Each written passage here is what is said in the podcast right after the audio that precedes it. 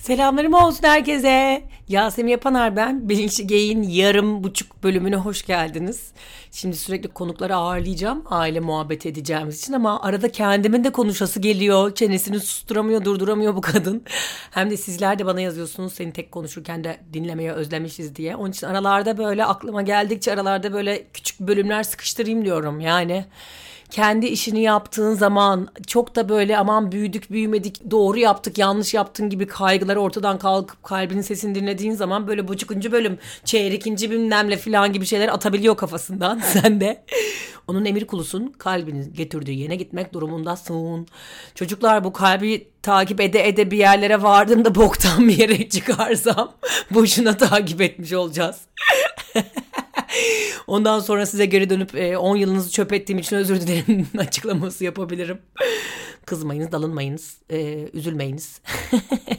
Şaka yapıyorum. Kalbimizi ne zaman takip etsek biliyorsunuz ki güzel yerleri çıkartıyor. İçindeyken garip gelebiliyor bu arada. Götürdüğü yönü izlerken ay saçmalama diyebiliyorsun ama yani oradan güzel bir deneyimle ayrılıyoruz. Büyüyoruz. Bunlar hep tekamüle destek çocuklar. Neyse konuyu daha fazla uzatmayayım. Geçen gün babamla olan bir konuşmamdan anekdot paylaşmak istiyorum. Biliyorsunuz yani ben hayatından, yurdundan, halinden memnun bir tipim. Yani bence güzel bir hayat kurguladım kendime. Güzel bir şekilde yaşadığıma inanıyorum. Tabii ki eksik e, bir sürü tarafı var ama hani o eksikleriyle de barışarak nasılsa zamanı gelince daha bile iyisini getireceğine inanarak böyle bir yolda akıyoruz, gidiyoruz. Geçenlerde babam aradı böyle ben işte şeydeyken daha dönmemişken güneydeyken böyle ağlamaklı bir ses tonuyla böyle mıy mıy konuşuyor telefonda. Senin için o kadar endişeleniyorum ki akşamları uyku uyuyamıyorum dedi. Ben de böyle kala kaldım telefonda. Yani baba dedim ben hayatımın en güzel dönemini geçiriyorum. Yani sen dedim bu kadar az kaygın varmış gibi. Yeterince dedim devletsel bir sorunlar, şirketsel sorunlar yokmuş gibi.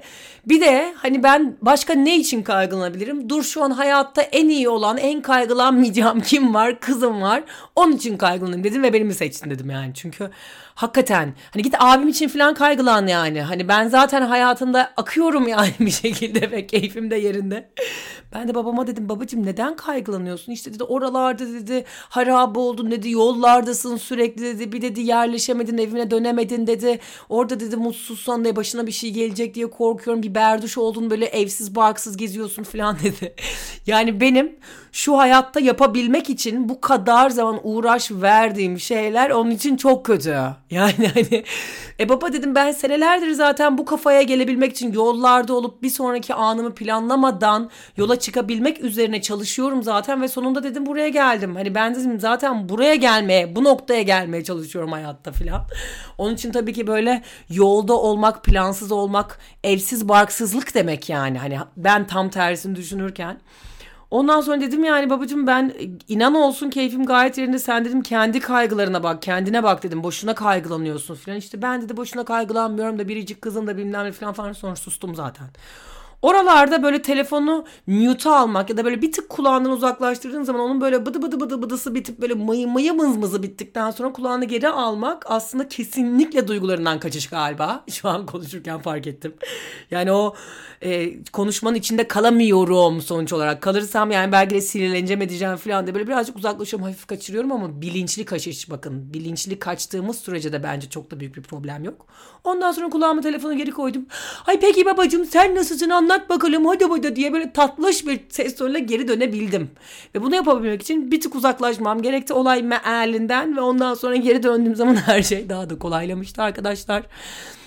Ya ben babama daha şeyleri falan anlatmıyorum yani hani otostop çekmeler, arabamın işte araba kiralıyorum, dandik bir araba çıkıyor. En ucuzunu kiralıyorum çünkü hayatımın hiçbir önemi yok.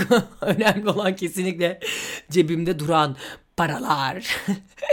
Onun için en ucuzunu kiraladım. Ve lastiği patladı bir şey oldu filan falan derken böyle otostop çekiverdim. Yanında da köpeğim var zaten kafam aşırı rahat en kötü ısırırız ikimiz birlikte adamı devam ederiz diye düşündüm.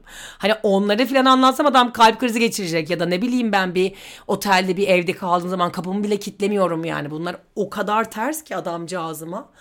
Ama öyle yani hani bu bölümde diyeceğim o ki çocuklar e, o ağzı olan konuşuyor. Onlar bizim için kaygılanıyorlar ve kaygılarını mütemadiyen bize yansıtıyorlar. Şimdi ben alıp onun kaygısı üzerinden hikayeler yazsam beni de kaygılandırsa ki becerebiliyor bazen. Yani bazen tam böyle güzel teslim olmuşum hayatımda akıyor. Baktı babama haber gidiyor herhalde bu kızın hayatı yolunda. Aç bir telefon mahvet diye. Bir telefon açıyor bana kendi kaygısını yansıtıyor. İşte paraydı bilmem neydi işte çok zor bu saatten sonra iş bulmalar falan falan böyle bir şeyler diyor. Beni mahvediyor kapatıyor. Bence eğer bizim bir hashtagimiz olsaydı hayatta arkadaşlar ailelerimize rağmen hashtagini kullanırdık bazen. Bazen ailemiz sayesinde bazen ailelerimize rağmen hashtagini kullanabiliriz gerçekten. Ve o noktada aileme rağmen hashtagimi çekiyorum. Çünkü onun kaygısını üstüme almamam çok zor gerçekten. Sadece kaygının ne olduğunu, insanın kendi kafasından ürettiği bir korku dolu düşünceler silsilesi olduğunu ve aslında gerçekle bağlantılı olmadığını, bir varsayım olduğunu bildiğim zaman kendimi en azından onun kaygısına sokmamak bir denli daha kolaylaşıyor. Zaten kendi kafamda bana yetecek kadar kaygım var arkadaşım. Hiç kimsenin kaygısını da üstlenmeme, sahiplenmeme gerek olmadığı için orada yapmaya çalıştığım şey aha da bu babamın kaygısı kendisine ait. Bana ait bir kaygı değil ama Yasemin'cim diyorum. Bunu dediğim zaman bazen kotarabiliyorum kendimi bazen kotaramıyorum. Ama o noktalarda da geri dönüp düşünce bu düşünceye nereden gelmiştik ya bu kara delikten nereden varmışım vardım diye dediğim zaman böyle geri döndüğümde bir de bakıyorum ki işte babamdan çıkabiliyor. Onun için Allah iki kulak vermiş diyeceğim okey. Birinden girsin birinden çıksın diye bazen. Sizleri seviyorum. Gelecek tam bölümlerde kavuşmak dileğiyle.